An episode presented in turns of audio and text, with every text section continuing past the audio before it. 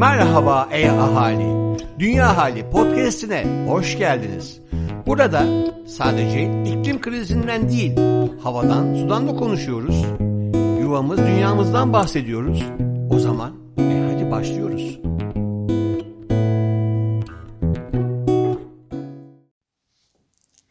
Merhaba, ben Eren Bakıcı. Dünya Ahali Bülten No 6. Selam dünyalı. Kübra Güler Dağtekin. Paulo Coelho toprağın hikayesini çok güzel anlatıyor. Toprağın altında ve üzerinde bulunan her şey durmadan değişir. Çünkü toprak canlıdır ve bir ruhu vardır. Bizler bu ruhun birer parçasıyız ve onun bizim yararımıza çalıştığını çok az biliriz. Bu hafta ajandalarımıza not edelim.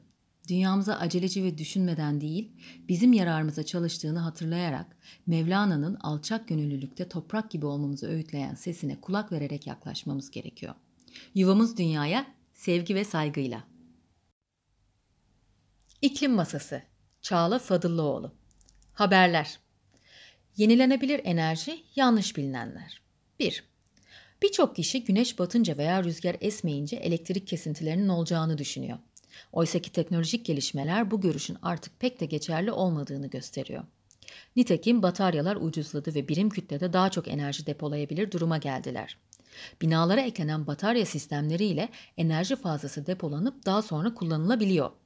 Enerji fazlasını şebekeye verip sistemin tamamında elektriğin kesintisiz sağlanmasını amaçlayan sistemler birçok ülkede aktif olarak kullanılıyor. Yapay zekanın kullanıldığı autogrid gibi yazılımlar yenilenebilir enerjinin optimizasyonu konusunda şebeke sistemlerinden elektrikli otomobillere kadar birçok alanda esnek çözümler sunuyorlar. 2. Yenilenebilir enerji birçok ülkede hem en ucuz hem de en verimli kaynak durumuna geldi. Yenilenebilir enerjiye geçişte kullanıcıların talebi çok önemli bir faktör. Sabit hatlı telefonları veya kablolu televizyonları geride bıraktığımız gibi fosil yakıtların da kullanılmaz hale gelmesi müşteri talepleriyle asıl ilmeği kazanacak. Doğanın gerçek değeri ekonomi politikalarına katılabilir mi? Küresel ekonomi geçtiğimiz 50 yılda neredeyse 5 kat büyüdü. Diğer yandan büyümenin doğaya verdiği zarar da çok yüksek oldu. Birleşmiş Milletler Genel Sekreteri Antonio Guterres, ülkelerin refah seviyesini hesaplarken doğanın hesaba katılmadığına dikkat çekerek doğanın gerçek değerinin bütün politikalarımızda, planlarımızda ve ekonomik sistemlerimizde yer alması gerektiğini söyledi. Birleşmiş Milletler Komisyonu Ekosistem Muhasebesi adlı yeni bir hesaplama sistemi duyurdu. En basit anlatımla bu sistem doğadaki stoğu ve akışı ölçmeye yardımcı olacak. Bu iki kavram şöyle özetlenebilir. Doğanın stoğu, orman alanları, sulak alanlar gibi doğal araziler. Doğanın akışı, suyun arıtılması, karbonun depolanması gibi doğanın sağladığı faydalar. Ekosistemlerin doğal sermaye hesabını açıklamak için sıkça verdikleri örneklerden birisi de ormanlar. Eski hesap sisteminde kesilen bir ağacın değeri kerestenin satış fiyatıyla sınırlı kalırdı. Yeşil Köşe Özgül Öztürk İklim değişiyor, mimarlık da değişmeli. Küresel ısınmanın büyük sorumlularından küresel kaynak kullanımının üçte birine, küresel enerji kullanımının neredeyse yarısını oluşturan binaların çevre, iklim ve yaşam kalitesi üzerinde mücadele etmemizi gerektiren önemli etkileri var. Bu konuda mimarların muazzam bir fark yaratma yeteneği mevcut.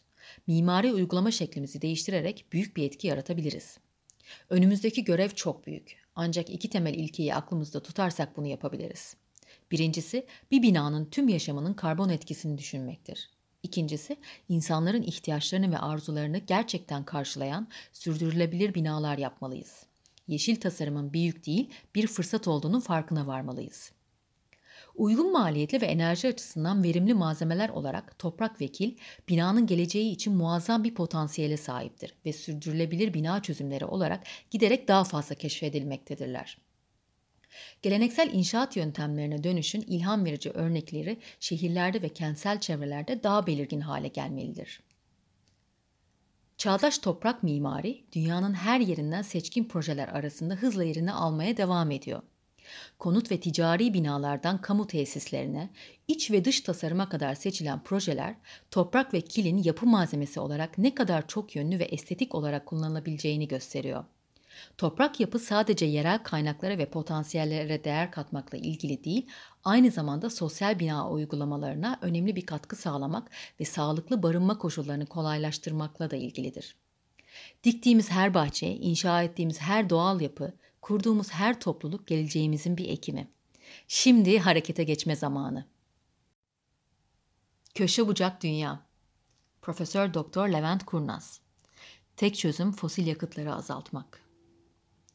Başımız belaya girmeden yapmamız gerekenler aslında nispeten basit. Kömür, petrol ve doğal gaz salmayı bırakamasak bile mümkün olduğunca azaltmak. Dünyadaki ülkeler sırayla net sıfır karbon olacakları seneyi açıklıyorlar. Net sıfır karbon salıyor olmak, havaya hiç karbondioksit salmamak anlamına gelmiyor. Net sıfır karbon, doğanın emebileceğinden fazla karbondioksit salmamak demek.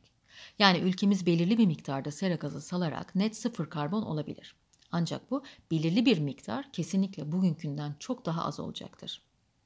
Başımız belaya girdikten sonra kesinlikle bu belaya uyum sağlamaya çalışmak ilk yapacağımız şeydir. Sıcaklığa daha dayanıklı tohumlar, daha az yağış ile büyüyebilecek bitkiler yetiştirmek, denizin yükselmesinden bizi koruyacak duvarlar inşa etmek uyum örnekleri sayılabilir. Ancak bunlar belayı azaltmazlar. Sadece bizim o belanın içinde hayatta kalmamıza yardımcı olurlar. Belayı azaltabilecek önemli çalışma havadaki karbondioksiti emerek kalıcı olarak sistemden çıkartan teknolojilerdir. Bunların bir kısmını zaten doğa milyonlarca yıldır kendi kendisine uyguluyordu ve uygulamaya da devam edecek.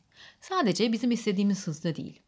Jeomühendislik uygulamaları dediklerimizde bu uygulamaların bütünü olarak kabul edilebilir.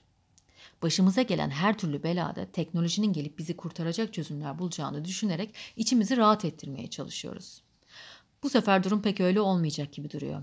Bizim öncelikle olabildiğince hızlı şekilde karbondioksit salımlarımızı sıfırlamamız gerekiyor ki diğer çözümler işe yaramaya başlasın. Hiçbir şey için geç değil ama bizim de fazla zamanımız kalmadı. Önlem almak için hep yarını bekledikçe kalan az zamanımız da tükeniyor. İyi ki varlar. Berzan Debba. Atıklarla iyilik peşinde. 1938'de Kayseri'de doğdum ve çocukluğum Adana'da geçti. Çok kalabalık bir ailede büyüdüm. Babam çok fikri açıktı. Annemse tıpkı benim gibi tam bir cumhuriyet kadınıydı. 23 Nisan Çocuk Bayramı ve oyuncağı olmayan çocuklar için çok üzülüyorum. Yaklaşık 5 ay önce kendime bir hedef koydum ve 23 Nisan'a kadar atıklardan faydalanarak bin tane oyuncak yapıp bunu Umut Güneştir kanalı ile oyuncakları olmayan çocuklara ulaştıracağım dedim. Bugün 1100 tane oyuncağı tamamladım. Üretim fazlası çoraplar, atıklar, eşin dostun kullanmadığı çorapları sevimli oyuncaklar haline dönüştürdüm. Bu çalışma sırasında yakın çevremde işletmeleri olanlardan çok destek gördüm ve üretim atıklarını kullandım. Oyuncakların hepsini sevgiyle ve büyük bir keyifle yaptım. Atıksız bir dünya için elimden geleni yapmaya çalışıyorum. Gelecek nesiller için temiz bir dünya bırakmalıyız. Atıklarımızı değerlendirmeliyiz ve çocuklarımıza elleriyle yapabilecekleri faaliyetler olduğunu hatırlatmalıyız. Yuvam Dünyalılar ne yapıyor? Ebru Özmen Biter. Okuyoruz. Hayata yer aç. Bir sadeleşme rehberi. Yazar Regina Wong. Paloma Yayıncılık. Kitap daha az ve minimalist yaşama nasıl geçileceği hakkında. Önceliklerimizi belirleyerek hayatımıza değer katmayan nesneleri, inançları, alışkanlıkları, ilişkileri, etkinlikleri bırakmak ve yerine bize keyif veren, özgürlük tanıyan, amaç sağlayanlarına odaklanmak bir süreç. Böyle bir yolculuk niyetindeyseniz yazarın deneyimleri size rehberlik edebilir. Çok akıcı, iştenlikle kendi deneyimlerini aktararak anlatmış. İlk önce evimizden başlayarak fazla giysi, kitap, mutfak eşyası, kırtasiye, bakım ürünü, süs eşyası gibi ihtiyacınız olmayan her şeyi ihtiyacı olana vererek, satarak, bağışlayarak evdeki enerji akışını sağlayabilir. Sonrasında ise elektronik ortamınızdaki tüm temizliği yapabilirsiniz. Boş alanların keyfini çıkarabilirsiniz. İzliyoruz. Film 2040. Yönetmen Damon Gamau. Oyuncular Damon Gamau, Eva Lazaro, Zoe Gamau. Ülke Avustralya. Damon Gamau ödüllü bir yönetmen. 2040 belgeseliyle hepimizin geleceği için ilham olmak istiyor. Belgeseli 4 yaşındaki kızı için görsel bir mektup olarak tasarlamış. 2040 yılında kızı 21 yaşına geldiğinde daha umutlu bir gelecekle karşılaşması için bir vizyon kurguluyor. Çevresel sorunların çözümü için etkin ve hızlı çözümlere odaklanıyor. Yenilebilir enerji kaynakları, güneş enerjisinin etkin kullanımı, tarım, gıda gibi hepimizi ilgilendiren konularda etkileyici bir görsel içerik sunuyor. Dünya Ahali, Yuvam Dünya ve Boğaziçi Üniversitesi İklim Değişikliği Politikaları Araştırma Merkezi işbirliğinde BMWE'nin desteğiyle yayınlanmaktadır. BMW sürdürülebilir mobilite için kapsamlı çözümler sunar.